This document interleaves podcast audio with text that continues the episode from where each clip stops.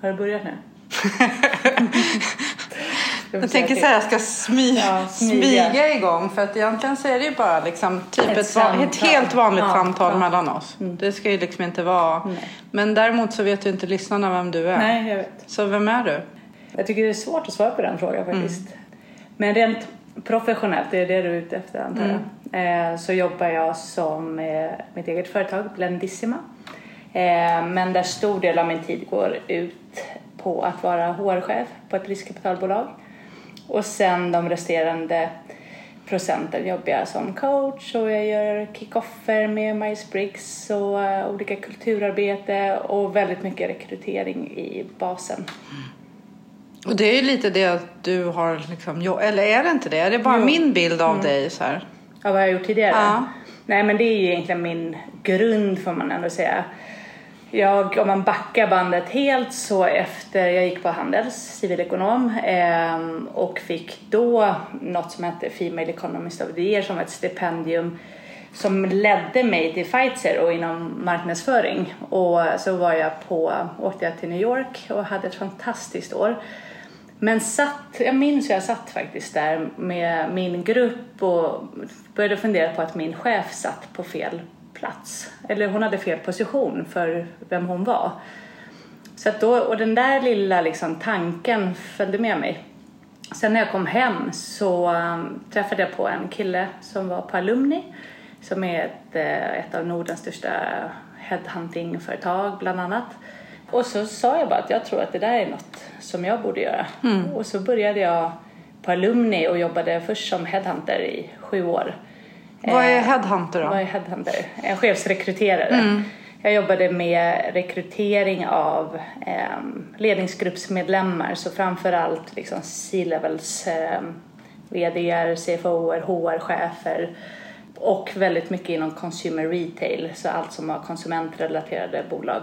Kallar man det för C-level? Ja, Med C då? Ja. Så CFO, CEO. Det är Ja. därför, alltså det är inte. C som i havet. nej. Nej. Exakt.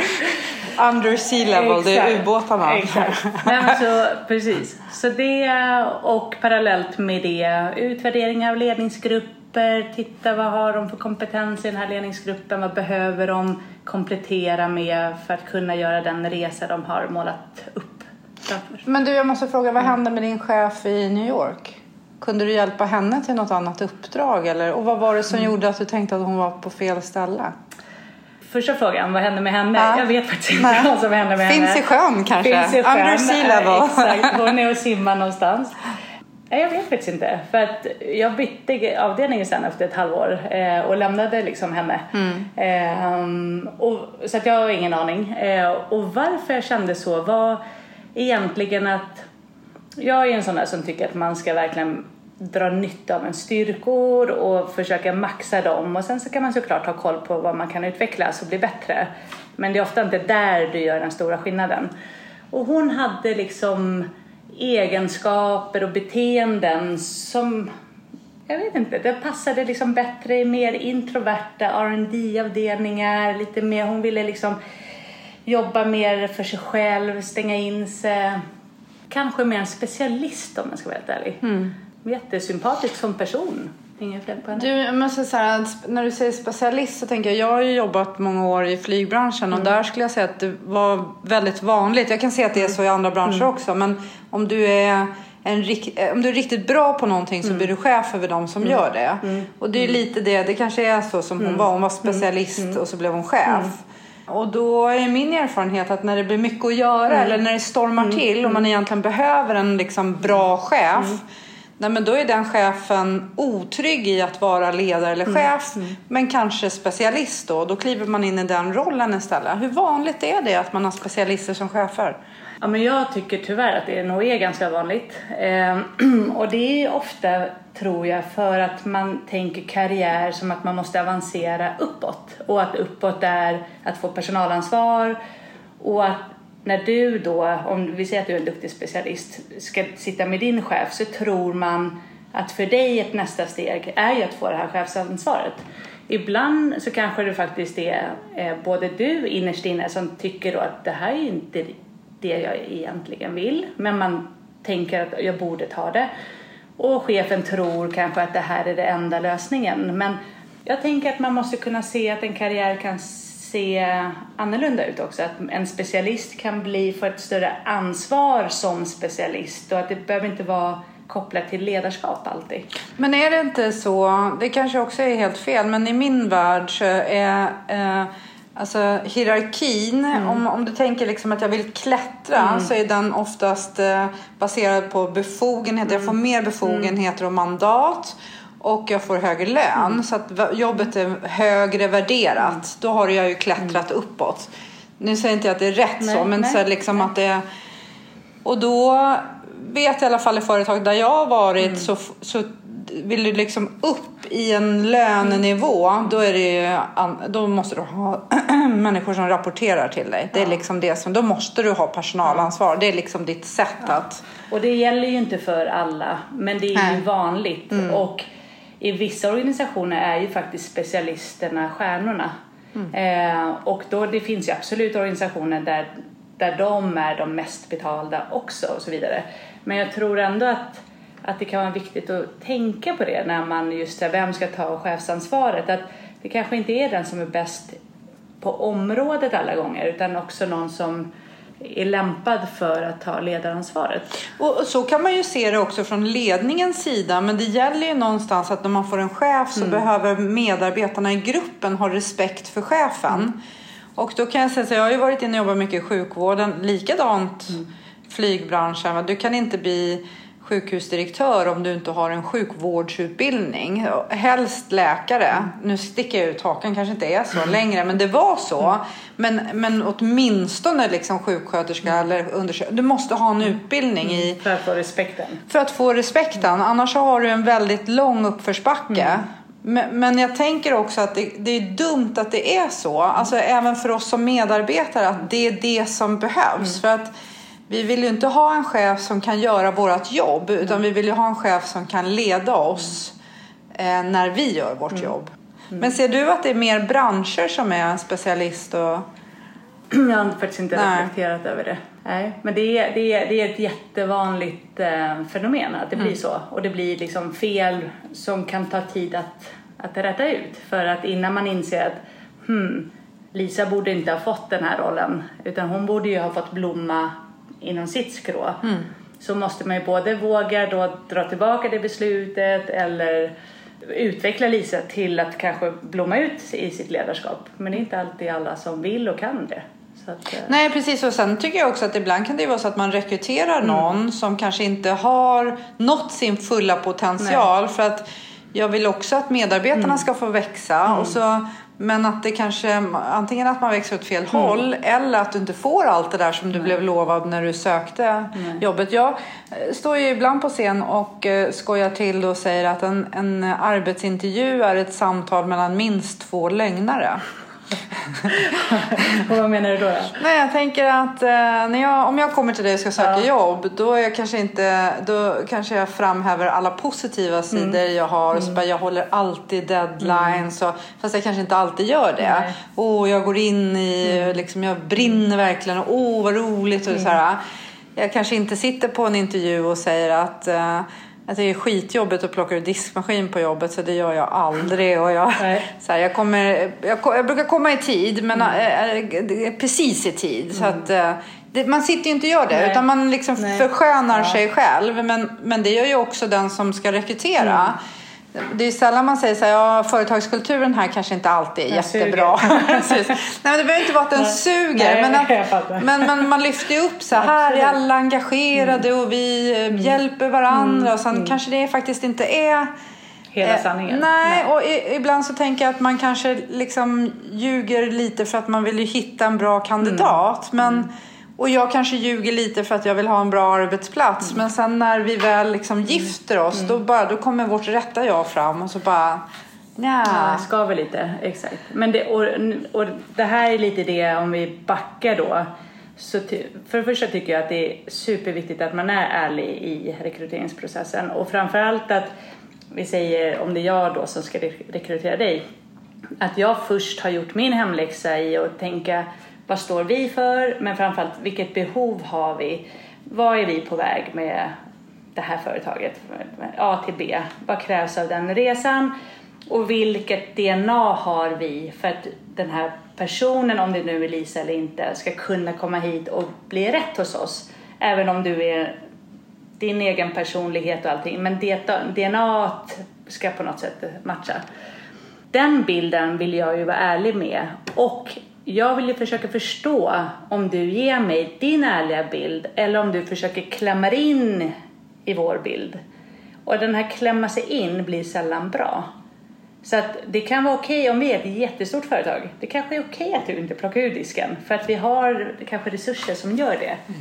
Men är vi ett litet startup då kommer folk tycka att du är väldigt jobbig om du aldrig hjälper till att plocka upp disken. Mm. För där hjälps vi alla åt mm. till exempel. Jag har ingen aning. Nej och nu disken kan ju också vara en liknelse. Ja, för det kan ju vara att skriva protokoll eller du kan ju dra en parallell till någonting annat Absolut. som kanske inte folk ja. bara, jag gör det, jag ja. gör det.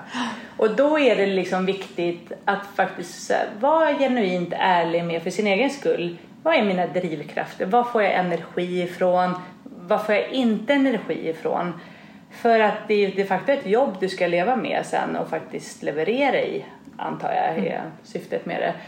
Och ofta tycker jag att det går att hitta, liksom, när man hittar matchen så går man alltid därifrån och känner så här, ah, där var den kandidaten. Mm.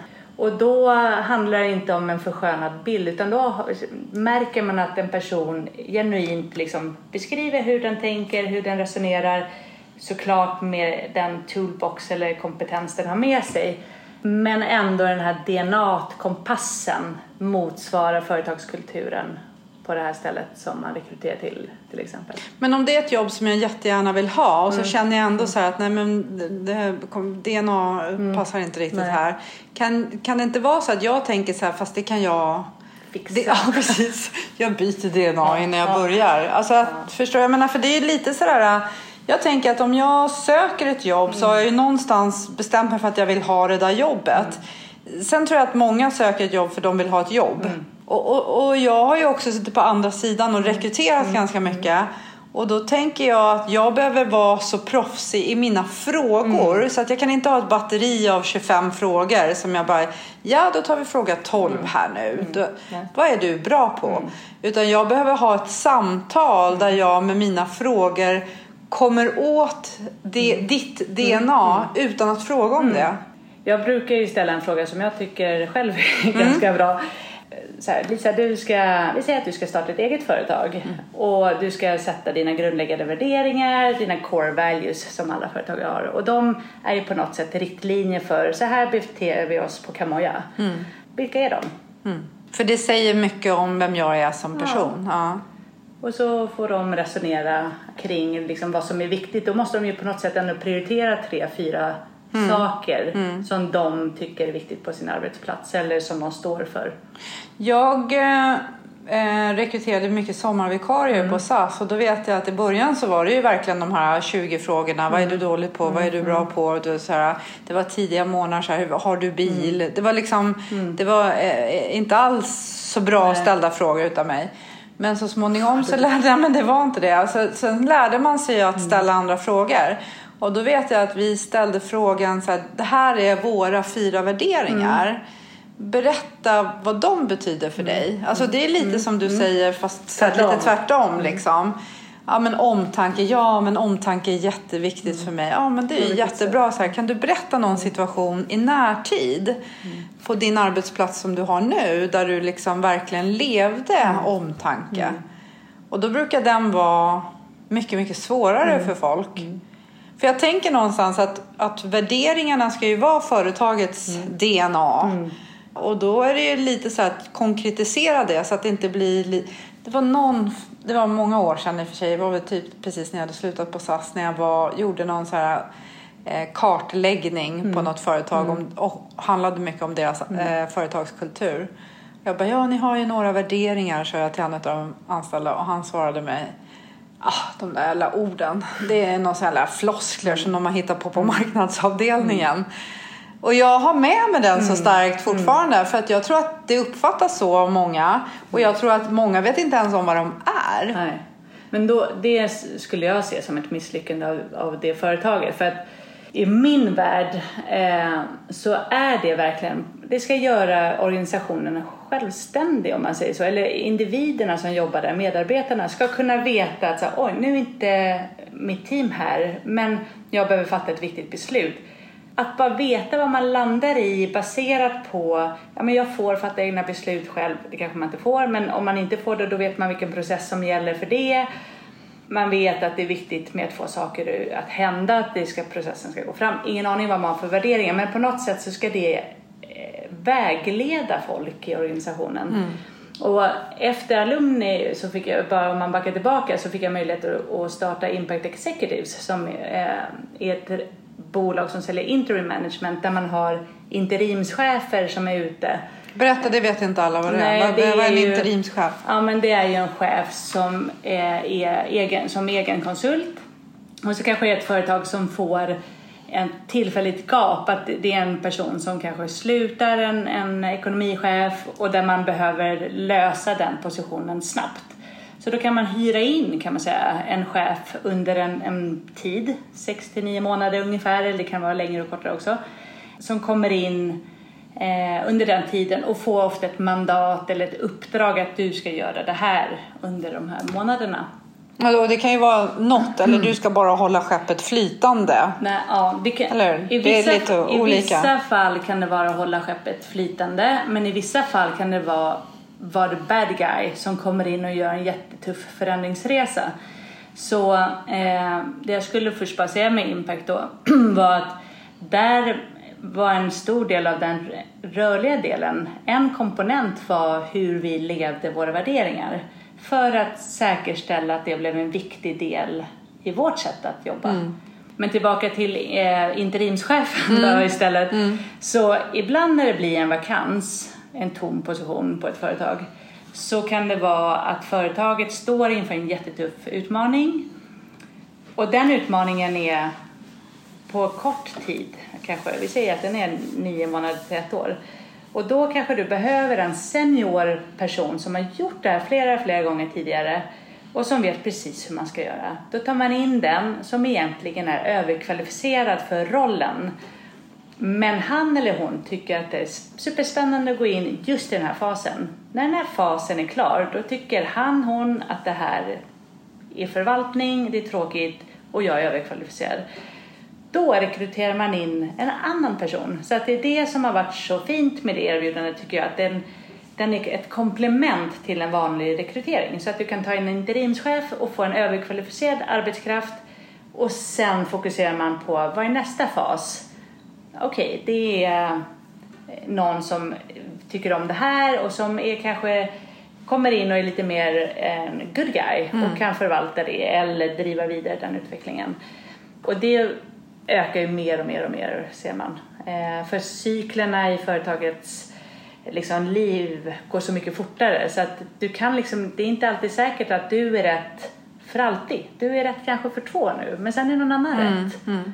Och, och där tror jag man också mentalt måste förstå som medarbetare att det är inget fel på dig. Det är, liksom, det är så snabbt det går nu. Mm. Um, så att det var super, superkul verkligen.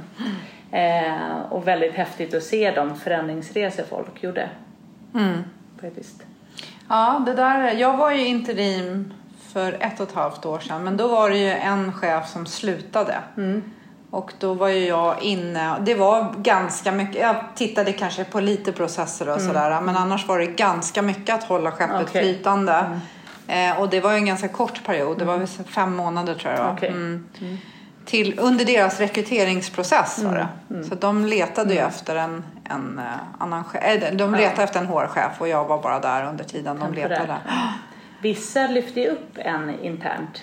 Men en del vågar ju inte göra det för att de är rädda. De tror inte att den personen är rätt långsiktigt och då tycker de att det är lättare. Ja, som interim tänker du? Ja, ja att någon att får kliva in. Eh, exakt. Ah, ja, okay, Men då, är, då blir det liksom ett känsligt läge sen och sen finns det då en möjlighet att snarare passa på att just ta in någon som verkligen har gjort det mm. och som kan göra det. Mm. Um, jag tycker det har varit Häftigt att se. Men sen så lite som vi pratade om igen apropå det här med ärlighet och, och, och mål, hitta rätt person till rätt plats. jag tror att jag berättade för dig en av mina första lärdomar när jag kom till Alumni så fick jag ett uppdrag och letade efter en ekonomichef i, i ett ganska muggigt företag som hade varit landstingsägt från början och skulle sen bli privat. Och när jag ringde runt till alla kandidaterna så försökte jag liksom jag tyckte själv nämligen att det var ganska muggigt om jag ska vara helt ärlig och det var väl det som sipprade vad ut. Vad lägger du i din, vad är muggigt ah, ja. för dig? inte så bra? Nej men du vet ganska lågt tempo, inte så mycket förändring, inte så mycket ambitioner. Mm. Det hade liksom, klockan hade lite stannat mm. om man får vara krass då. Det är ju många som gillar det, är det inte det? Också, ja. exakt. Men det tänkte inte jag på. Nej. Så att i min värld så försökte jag ju försköna, lite som du sa, och måla upp en bild av det här bolaget som det inte var. Och jag tror på något sätt att det här hördes i telefonen när jag ringde. Så pratade jag med Anders som var en av grundarna, han är inte kvar på Alumni längre, men Anders Cedermark, jätteduktig partner. Så sa han så här, men Blenda, vad säger du? Och så förklarade jag vad jag sa. Då sa han så här, men det där är ju helt fel. Eller du borde göra på ett annat sätt. För att de hör att du inte tror på det du säger. Du ska beskriva precis som det Men du ska också beskriva vilken ambition de har och vad de vill någonstans. Och rätt person för dem är den som gillar det de hör i form av att wow, jag ska vara med och förändra den här resan. Jag ska vara med och ta det här muggiga till det här moderna. Och så tänkte jag så här, okej, okay, jag testar. Så jag började ringa. Fast och... man vet ju att han har fel, men jag testar ändå. ja. ja, nej men jag gjorde det. Och så började jag verkligen beskriva det här som, precis som jag sa innan, hur jag upplevde det. Mm. Eh, och alla tyckte det var så intressant. Jag fick så många bra kandidater för att de kände så här, wow, det där är jag. Jag ska gå in och frälsa. Jag mm. ska gå in och göra den här resan och bevisa att det går att förflytta det här berget. Mm. Liksom så. Eh, och hittade en superbra kandidat. Mm. Och det var verkligen eh, en så här lärdom som jag tror Anders inte vet att jag har burit med mig. måste du tala om för honom. Ja, kan jag göra nästa gång måste jag träffar honom. Måste mejla honom. Ja. Eller ännu roligare om jag mejlar honom ja. och säger jag pratar med Blenda. Exakt. Och då, ja. Mm. Nej men verkligen. Jag har ju liksom varit lite så jag var ju på SAS i många år mm. men jag bytte ju jobb kanske vart tredje år. Det är kanske lite lång interimperiod mm. men man skulle ju kunna tänka sig att, uh, att det är också lite så här interimstänk på större företag. Mm. mm. Så kan jag tänka ibland med vissa företag som jag jobbat med i ledningsgruppen. Mm. Om, det, om man bara skulle hoppa ett steg, ett steg på stolen. Mm. Liksom. Alla sitter vid ett bord så bara så nej nu är inte jag marknad längre. Hoppsan sa liksom. Nu är jag mm. Den operativa funktionen. Hur skulle jag göra då? Mm. För att vi fastnar också ganska mycket i våra Mm. Alltså i sakfrågor utan att ha på oss den uh, stora, stora liksom. Mm. Mm. Men, men jag tänker nu är det ju liksom lite rörigt i Sverige och nu är det mm. många som blir av med sina jobb och ska söka nya. Så mm. om du skulle ge tre så tips, det behöver inte vara tre, men om du skulle ge mig tips om jag ska gå på en intervju. Då tänker jag att nu har du ju sagt så här att jag ska vara ärlig. Ja. ja. Jag skulle verkligen försöka själv ja, men gå igenom lite i huvudet vad jag är duktig på på riktigt. Och inte bara så här, jag är duktig, jag är strukturerad. Utan liksom lite mer så här, men vad innebär det på riktigt? Liksom så. Ja, men jag är effektiv i mitt sätt att jobba, jag gör så här och så här och så här. Och, men liksom kunna exemplifiera det lite mer och sen också gärna koppla till exempel och levande fall liksom, som man varit med om. Lite storytelling alltså. Exakt. Mm. Sen när jag hörde på dina gamla podd här så var du nämnde att du var otålig. Det är ju ett ord som typ 95% säger att jag är otålig. Och jag, blir, jag kan nästan ibland räkna så här en, två, tre. När kommer, kommer det? så säg inte det. Nej, om, det om det inte är absolut så här, om det inte är du, du, du liksom. Men alla tror att det här med att vara otålig är det absolut mest rätta svar. Jag vet inte. Det är så många som säger det. Fast jag skulle säga att jag, jag tror så här, om jag skulle säga att jag var otålig så skulle jag se det som att jag säger någonting dåligt eller liksom att det är Nej, folk säger det utifrån att de vill visa att de är hungriga och att de är drivna. Men då kan jag tycka att det är bättre att säga det istället. Ja.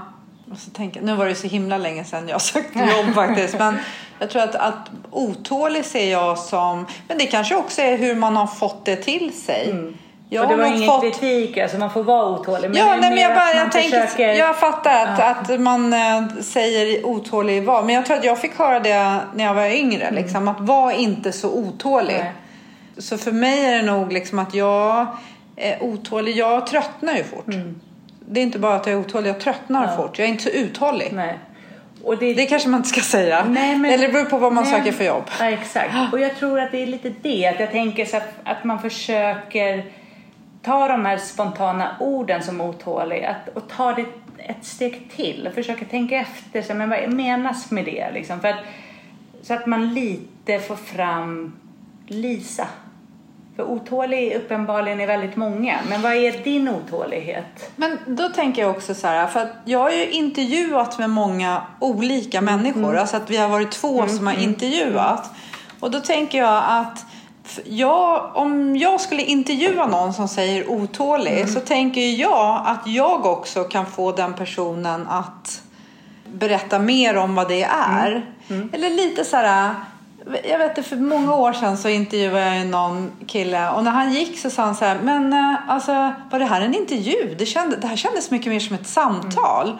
Och jag tänker att när jag kan nå till att vi har ett samtal då blir ju också motparten trygg och då får jag ju höra saker som kanske inte alltid är så himla bra att säga heller. Det tror jag, jag vet inte om du har varit med om det, men det är, det är klart att man ska vara ärlig men man behöver inte vara överärlig. Jag har suttit på många intervjuer där jag tänkt så här, nej men det var inte, det var onödigt att berätta det. så kanske du inte ska säga liksom när du går på intervju. Nej. Att man måste vara mer medveten. Att Ja. inte bara gå dit och prata liksom. Nej men så är det. Jag tycker framförallt så när man träffar, nu låter det jättekonstigt då, men så här, lite äldre män. Och jag brukar ju ofta gå tillbaka ända till för att jag är uppvuxen och så får jag liksom fånga upp hela barndomen och också få höra lite vad finns i grunden. Men det känns ibland som att det var väldigt länge sedan de har fått liksom prata av sig. så då kan man ju få höra otroligt mycket. Ja. Eh, ofiltrerat liksom. På gott och ont. Ja. I vissa fall så får man ju verkligen en så här fantastisk bild av att det här är klockrent och i vissa fall tänker man så här, ja det där var inte helt rätt. Men, men jag tänker också att det kan ju vara klockrent men det kan ju också vara alltså, hur man pratar. Tittar du inte på det Jo, också? jo. Hur... eh, Strukturerad man är, absolut. Oj, nu vart jag alldeles tyst för då tänkte jag måste jag vara lite strukturerad i mitt sätt att prata. Jo, men man märker ju hur folk på en fråga svarar så att jag lätt kan följa i svaret. Om de har stått inför ett svårt problem, hur de har hanterat det. Vissa är ju väldigt tydliga med men jag börjar att titta på det här och sen går jag vidare så och sen gör det och det och det och, det och har en tydlig process. Då kan jag ju förstå också hur den är generellt sett när den arbetar. Är det alltid bra att vara tydlig, strukturerad och ha en tydlig process? Det- Till alla yrken liksom? Nej, jag tänkte säga det. Det är absolut, det har jag helt... Eh, det är därför igen, jag skulle säga att för att få en lyckad rekrytering måste du börja med så här, vad behöver vi? Behöver vi en, en mer flexibel idéspruta som inte hämmas av att den måste fastna i massa processer och Alltså så att det, det är helt, alltså så här, rollens natur och personlighet i kombination med såklart bolagets DNA och allt det där. Det är ju det man ska leta efter. Så att det är ju, jag säger alltid det, rätt person på rätt plats. Det är liksom inte, det är klart att en ekonomichef mår ju bra av att ha lite struktur och ordning i sig liksom. Eh, medan om du är mer i ett kreativt yrke eller vad sjutton som helst så kanske du absolut inte behöver samma beroende på. Det är klart att de har väl sina processer på sitt sätt. Man får börja med att göra en väldigt noga analys. Vad är det bolaget behöver? Eh, vad står vi för? Så att man är trygg i det här är det vi ska söka efter. Och inte lockas av att säga, åh, nu träffar jag Lisa, hon var ju supertrevlig, henne vill jag vara kollega med. Nej, men det var inte riktigt det vi letade efter. Liksom. För man har ju absolut en, en bias till sig själv och att man gillar det man ser som påminner om sig själv. Och det är jätteviktigt att lägga det åt sidan. Och vi, vi pratade sist också någonting om att vikten av personlighetstester eller problemlösningstester och sådana saker. Det kan ju hjälpa dig i att bli objektiv. i att alla bedöms på samma sätt och så vidare. Eh, så att jag brukar faktiskt använda mig ganska mycket av screening av sådana tester innan till och med ibland. För Innan du träffar mig så Ja. har jag fått fylla i massa tester ja, och så ibland, tittar du. Ja, ibland gör vi så. Hur många, hur många tester då liksom? Vad... Nej men då är ofta ett personlighetstest ett begåvnings eller problemlösningstest. Där körde det ihop sig. Nej, och det är också sådär det är olika för olika roller var du behöver ligga och liksom hur stor kapacitet du har om man säger så. Ehm, och i vissa roller måste du vara snabbtänkt liksom och ha en hög kapacitet. Och i vissa roller är det inte lika eh, viktigt och du kan snarare kompensera det med tidigare erfarenhet, vad du har gjort tidigare. Du kan dra lärdom av det, dina misstag eller framgångssagor och så vidare. Och i andra, saker, i andra fall måste du ha en person som kan komma in i nya situationer, snabbt blicka, göra en analys och förstå trots att man saknar tidigare erfarenhet av det. Så det är egentligen den stora skillnaden. Jag kan ju tycka, jag har aldrig gjort sådana tester innan när jag har Nej. rekryterat. Men däremot så kan jag lite så här se det som en, en tävling för mig själv. Så här att jag, jag ska via mitt samtal eller min intervju med den här kandidaten kunna skriva ner det som testet visar. Så, och jag kan till och med tänka lite så. Och då, testerna är ju ganska bra på det sättet att det, du kan, det är väldigt svårt att ljuga. Det visar sig ganska tydligt för att det är så många frågor. Så att det är klart att ställer jag 20 frågor i ett batteri då kan du hitta på ett svar. Men här är det så många frågor som det visar sig om du har hittat på. Så att hur kan jag ställa frågor som inte är testet Nej. till dig för att komma åt s- sanningen Ja, på något vis. ja. Komma åt låter fel men för att, Nej, nej. för att jag ska skapa en Ja, ja. trygghet för dig så att du berättar det för mig som jag behöver höra. Ehm, För jag tycker att det är, det är sällan, jag kan tänka lite så här, jag kan inte komma på en enda gång faktiskt där jag har fått ett testresultat där jag har känt så här, what? Var det den här Nej. personen jag träffade? Det, det ibland som man inte kan vara svårt att komma åt är att ofta finns det ju ett, ett, ett av testen visar ens urspårningstendenser. Det vill säga vilka personlighetsdrag hos dig blir extra starka vid press och stress. Det kan man ju såklart fråga om, men inte alla som har lika god kännedom hur man reagerar. Men när du får testet och du säger så här, ah, du tenderar att, testet visar på att du tenderar att bli så här och så här, eller liksom ja men gud absolut, det stämmer. Där är jag, ja. Och då är det ganska bra, vi säger att du som är extrovert i din natur snarare faktiskt blir ganska reserverad och sluten och känner att du behöver liksom komma och fokusera för dig själv.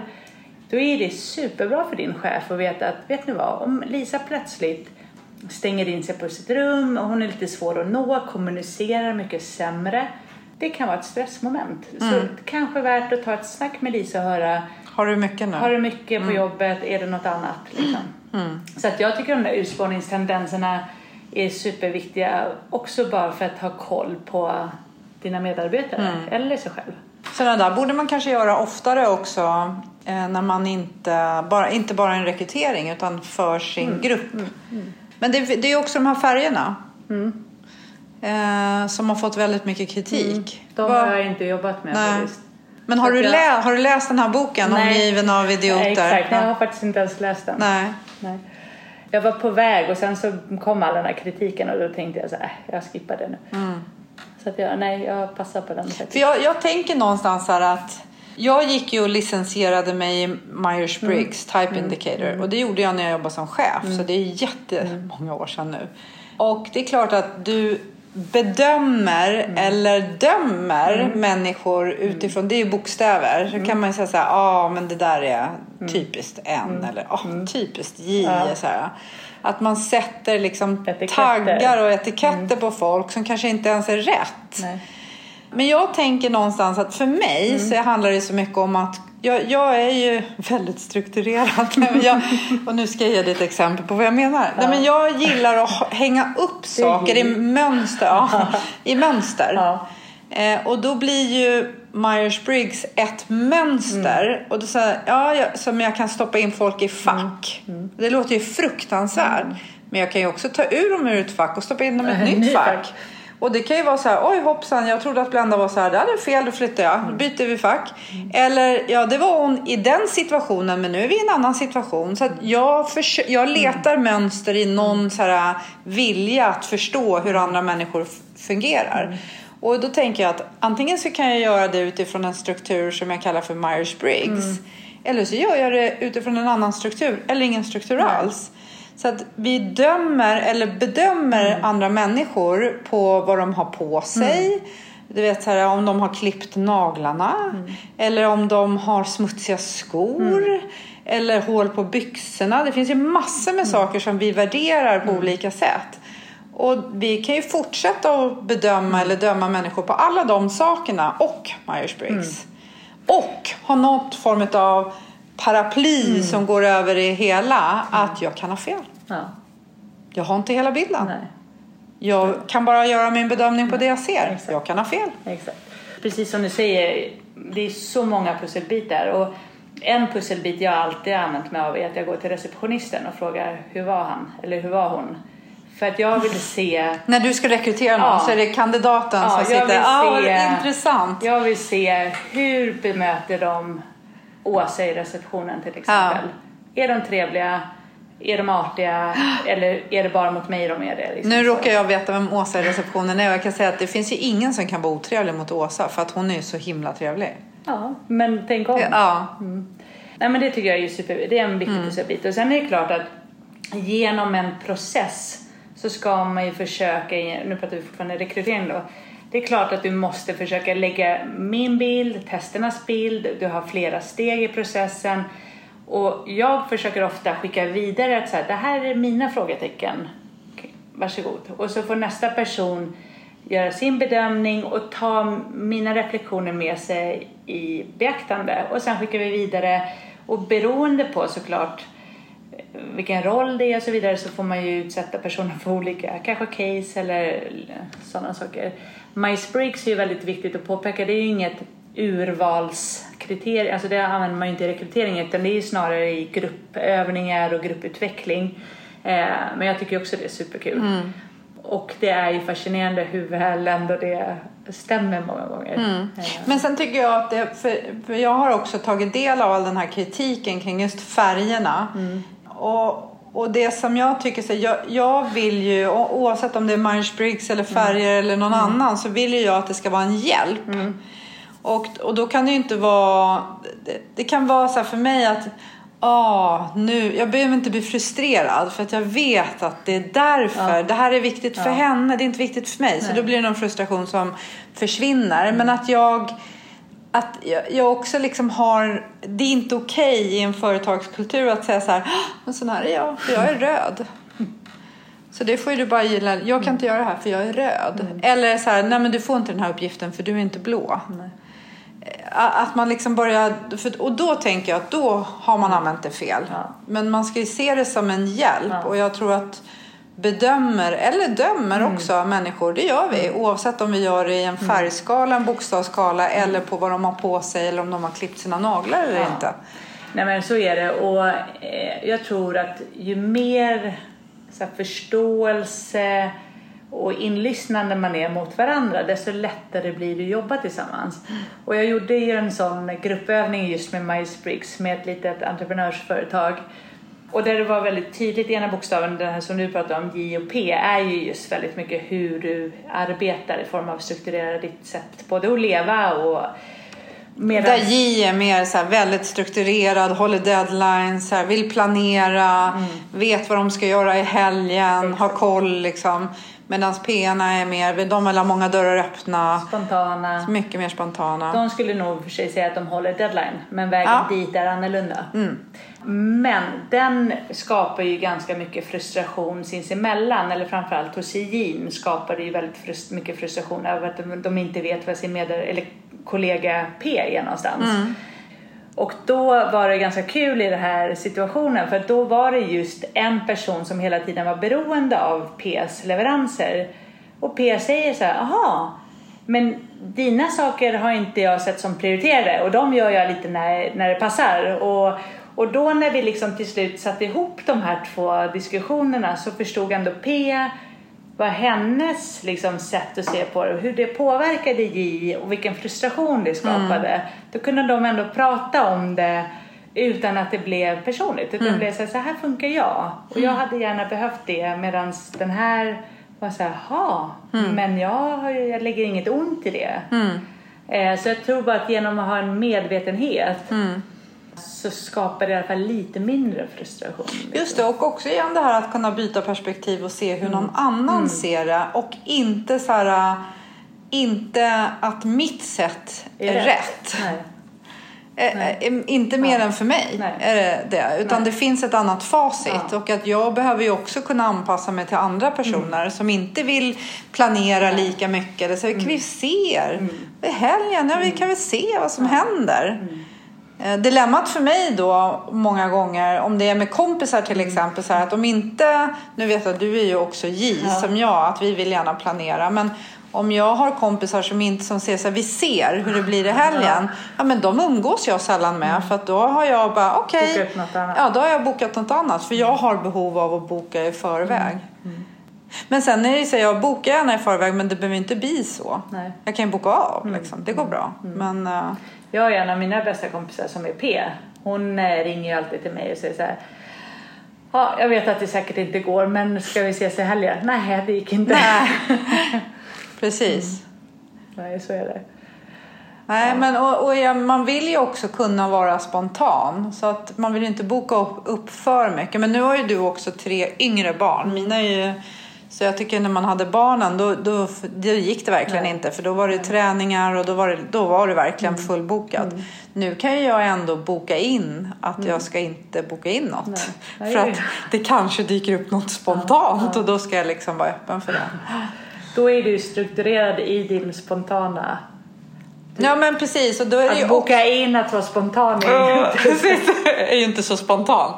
Ja det är både spontant och planerat. Men det är ju också egentligen i Myers-Briggs som nu är fyra områden och fyra bokstäver mm. så är det också andra området där jag mm. är, har en mm. som preferens mm. och det är lite mer why not och mm. ja, så ja. det är ju lite mer spontant. Sen får inte jag alltid ihop det för att Nej. jag min planering. Liksom. De går ihop ja. på något sätt. Så alla de där bokstäverna hör ju ihop. Man kan mm. plocka en och en men de mm. gör ju också... De påverkar varandra ja. Ja, de påverkar varandra mm. jättemycket. Men mm. du tittar inte på... Om du ska intervjua någon, mm. sitter du och plockar bokstäver då utifrån Myers-Briggs? Nej, inte så mycket faktiskt. Nej. För att um, det är ju egentligen inte det är ju inte kopplat till kompetensen. Inte, alltså det är klart att det är en del av personligheten men det är igen, vi letar ju, jag tittade ju mer efter värderingarna och vad, mm. vad den tro, drivkrafterna och det är ofta inte kopplat till Myers-Briggs. Eh, sen så kan jag kanske reflektera över det som nu när jag har rekryterat till lite mindre kontor där de ska sitta på typ satellitkontor där de är tre, fyra stycken. Då är det klart att är du superextrovert så kan de tycka att det är för litet. Så att då måste man ju lite grann lyssna. Var hittar du din energi ifrån? Är det mm. väldigt mycket att hela tiden ha socialt omkring dig? Och det kan ju vara att det brusar och stökar, inte att du hela tiden sitter och pratar med dina kollegor, men bara att du är en del av det. Då kan ju det bli en dålig match i det långa loppet. Mm. Kan, de kanske säger så här, men det låter jättespännande att komma till det här lilla.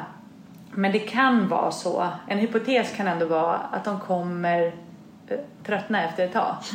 Så då är det klart att liksom, är någon som har en liten slagsida åt, åt ett i, introvert, då behöver inte det vara negativt i det mm, fallet. Mm, mm. Eh, samtidigt så, så vill man ju få en blandning av alla olika personligheter. Eh, så det är därför det är liksom inte med i urvalet. Men vissa drag kan vara viktiga i olika situationer. Mm. Om jag ska rekrytera då? Nu har du ju gett lite mm. tips på vad är viktigt att tänka på. Man ska inte säga att man är otålig. vad ska man säga då? Vad är bra liksom så här, överlag? Det, nej, det är det du verkligen, alltså så här, vad är dina drivkrafter och vad är det du får energi ifrån? Vad är du duktig på på riktigt? Och koppla till den här resan jag har beskrivit för dig. Vad tror du att du kan bidra med? Mm. Om jag förklarar vad vi kan bidra med. Mm. Och att, det, att man känner att ja, men det här är liksom, med Lisa ombord så kommer det här hända. Mm. Det är det jag vill försöka förstå. För att blir det en felrekrytering här då tappar vi tid, vi tappar otroligt mycket resurser, otroligt mycket frustration och pengar. Exakt. Och också effekterna runt i organisationen. Att varför tog ni in henne för? Och ibland vågar folk inte dra plåstret på en gång, ibland gör man det. Men det blir så mycket bättre om du gör det rätt från början. Så, och då, då kommer nästa, var tålmodig i din rekryteringsprocess. Vänta, för rätt person kommer. Det är bra. Och det är ju för den som rekryterar. Eller hur? Att vänta för rätt person kommer. För oftast är det ju en vakans och Ja, så är det så är det mycket och så bara man tar man Ja. någon. Och då kanske det är bättre att även, även om det inte är på en C-level, eh, att ta in någon interim Ja. eller en konsult Ja. Mm. under en kortare period för att hålla det flytande Verkligen. lite. För att inte rekrytera fel. Finns det några siffror på vad det kostar att rekrytera fel? Det gör det säkert. Men jag har dem inte. Nej. Och sen så tänker jag också lite så här, så kan jag ofta tänka faktiskt att om jag om jag behöver hjälp då går ju jag väldigt ofta till någon som är professionell som verkligen kan det. Eh, och då kan ju det vara i ett stort företag kanske man har rekryterare internt som kan, det är liksom det de kan. För att en chef ska kunna så otroligt mycket. Men att det finns en stor risk med att rekrytera fel för det är kostsamt. Så det, jag drar ju parallellen till tandläkaren så ibland för att jag tycker den blir lite rolig. Så om jag har ett hål i en tand så försöker jag inte laga det själv. Nej. Utan jag går till tandläkaren. Men jag tror att eh, det är många tillfällen där vi inte går till tandläkaren fast vi borde. Ja. Till exempel Ja. hjälp, tar hjälp av någon som verkligen kan rekrytering. För att säkra att det inte ska bli fel. Jag, jag måste ändå få dela min bästa eh, fråga i rekrytering. Som jag tycker är skitbra. Och den har jag kamojat ifrån Ja. Så den har jag absolut inte tittat på själv. Jag tror att den kommer från Lotta. Men jag har tagit, jag har kamojat den ifrån Annika. Som har kamojat den från Lotta. Och det är, vad är den största missuppfattningen om dig? Det är en ganska bra fråga. Jag ska testa den. Ja, gör det. För jag, jag, har testat den flera Ja. gånger och det blir tyst. Alltså folk måste verkligen tänka Tänk till. efter. Vad är den största missuppfattningen om Gud, jag tänkte dig? just fråga. Det är svårt, eller hur? Ja, det är inte jätte. bara så att det liksom Nej, bubblar tänka. Nej, ur. tänka. Jag satt också med i någon jury här där man skulle... Eh, det, det, jag tackade ja till det och jag är ju sådär när jag tackar ja till saker så går jag liksom all in. Mm. Men när jag tackade ja till att sitta med i den här juryn så tänkte jag det kan inte vara så svårt. Tänkte jag. Men det tog otroligt Mm. mycket tid. Och sen kanske jag la för mycket tid på det, jag vet inte. Men jag ringde till, det var tre nom- nominerade, jag tror att det var fem kategorier. Mm. Så det var ju 15 personer eh, som jag pratade med och jag pratade med referent, kundreferenser. Och du vet, oh, gud jag ringde och ringde och ringde. Och då ställde jag ofta den frågan när jag ringde på en referens. Vad skulle du säga är den största missuppfattningen om den här personen som jag vill ha referenser på? Oj, säger folk så här. Ja, ja. Och sen kommer det ju någonting som ofta slår hål på det som de har sagt i sin Innan, referens. ja. Faktiskt. Jag skulle säga att det ger lite så här äh, ärligheten kom, kommer igenom så här. Jag vet att en av dem sa så här, ja den största missuppfattningen är att hen inte är lyhörd alls. Fast det är hen, sa den här referensen. Ja, fast vill jag... Nu var ju det här ett pris, men vill jag ge ett pris till någon som är lyhörd men ingen uppfattar dem som lyhörd? Nej, kanske inte. Och kanske också, tänker jag, är man inte lyhörd då om man inte har förmågan att få andra att förstå att man är det. Jag vet inte. Jag brukar också lägga till frågan vad har jag inte ställt för fråga Mm. som jag borde ha ställt? Eller vad har, har, vad har du inte berättat om dig som jag borde veta Mm. om dig? Och då kommer ofta jätteolika svar som man "Jaha, okej. Och ibland när man tar på referenser så då ställer jag alltid frågan också, är det någonting som jag bör känna till kring missbruk, alkohol, narkotika, ditt, ditt, ditt, ditt.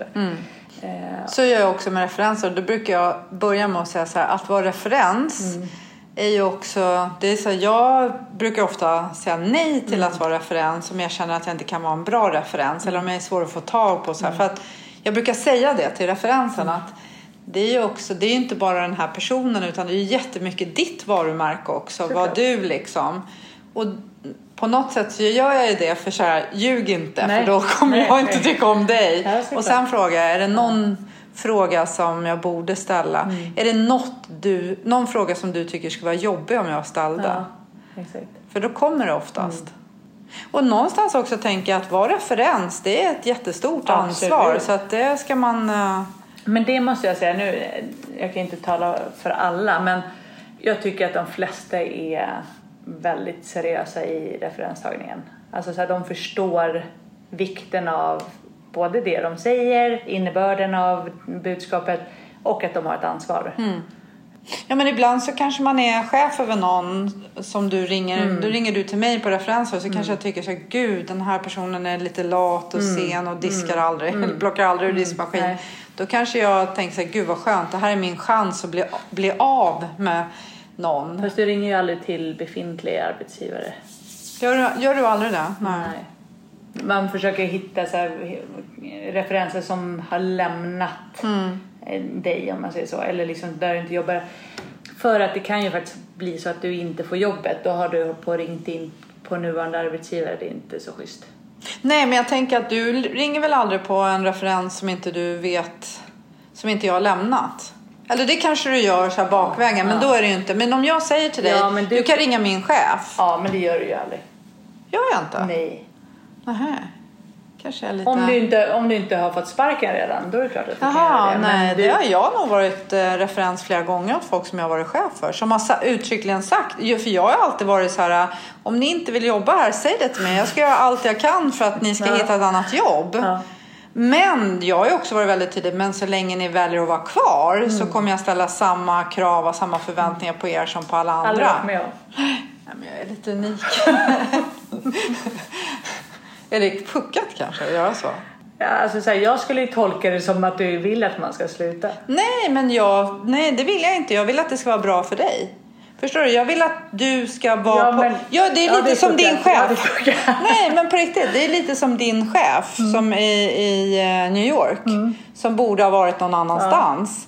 Alltså jag kan ju känna att, så att om du inte trivs här Mm. och, och jag har gjort allt jag kan för att du ska trivas Mm. om du är en duktig medarbetare. Det här är liksom, du vet så här, här spelar vi fotboll men jag vill spela hockey. Fast det gör vi inte här. Nej. Så då kan jag, under Nej. tiden du letar efter ett ställe där du kan spela hockey så måste du spela Men- fotboll här hos mig. Ja, men vill du ha kvar den personen då? Ja, det betyder inte, jag, alltså jag har varit i den här situationen många gånger, kanske helt konstigt, men det betyder inte att den personen inte levererar. Nej, okej. Och kanske till och med att den personen kan leverera ännu bättre för att jag, verk, jag ser ju den personen. Mm. Så att det är inte så att så här, men du kan lalla omkring och behöver Nej. inte göra så mycket. Och vill du spela hockey så snöra på dig dina griller du, det går bra. Jag kommer inte säga något. Det kommer jag Ja, inte göra. Nej. Men om jag kan se liksom att det finns kvalifikationer som gör att den här personen, men också jag, skulle må bättre av att den personen jobbar någon annanstans. Men sen så ska jag säga att när jag var på SAS så hade jag, jag hade några så här riktiga stjärnor som jobbade hos mig som var helt klart överkvalificerade. Men eh, som valde att vara kvar för mig. För att det som jag kunde ge dem, eller den utveckling jag kunde ge dem, inom, vi- var fortfarande fotboll. Är du med? Det var, liksom, det var ju spelplanen. nej. nej. men det, det, Nej. för det Nej, gör vi inte inte. här. Nej. Liksom, så det var inget alternativ. Men jag kunde utveckla dem. Så men det, när jag lämnade så var det ju också några till Andra som lämnade ganska Ja, snabbt. ja. Liksom. Eh, Det, det var ett begrepp som jag lärde mig när jag var på Disney World i Florida. De kallade det för Star Watch. Mm. Watch your stars. Eh, I Sverige har vi lite jante så här Mm. så att du ska inte tro att du är något och vi vill gärna så här, trycka ner, inte i alla branscher, inte i Nej, alla företag nej. Mm. men generellt så här, man, man ska inte sticka ut och det är liksom gruppen är viktig och sådär men watch your stars Ja, liksom. Men det för att- tycker jag, jag tycker ändå att man har, där jag har varit Mm. så tycker jag ändå man har identifierat och liksom har en separat dialog. Hur ska vi säkerställa Mm. att denna person inte tappar gnistan liksom. Mm. Ett sista så här, eh, perspektiv som jag tycker är viktigt är att tänka alla kandidater i en process är viktiga. För att du är kandidat i den processen. Men du kanske faktiskt är en kund i nästa eller du är, din, en granne i nästa eller du är, står bakom i ICA-kön liksom, eller vad det nu är. Så att det är någonting som jag tror, liksom jag försökte hålla att behandla alla med respekt och återkoppla till alla kandidater. Lisa, du fick inte jobbet. Okej, fine, då slipper du gå och tänka på det. Och sen så hela tiden att uppdatera folk var man befinner sig i. Och sen även om jag nu är kund och jobbar mot en rekryterare, svara och vara aktiv. För att ju mer aktiv du är som kund, desto roligare är det för rekryterarna att jobba åt dig. Och jag märker ju nu när jag sitter snarare på kundsidan och tar hjälp av rekryterare, ju mer jag bjuder på min tid och återkopplar, desto bättre leveranser får jag. Eh, och jag hade en kund, en kandidat som jag liksom hade en process för länge sedan. Erik hette han. Och han fick jobbet men sen så tyckte ju han att så här, jag blev så himla schysst behandlad. Så han blev sen min kund. Och sen visste han att så här, Blenda vet vad jag behöver. Så jag ringer Blenda och, och säger du jag behöver en produktionschef som är så här och så här. Eller jag behöver en VD som är så här och så här. Jag behöver ingen process, jag vill bara ha den personen.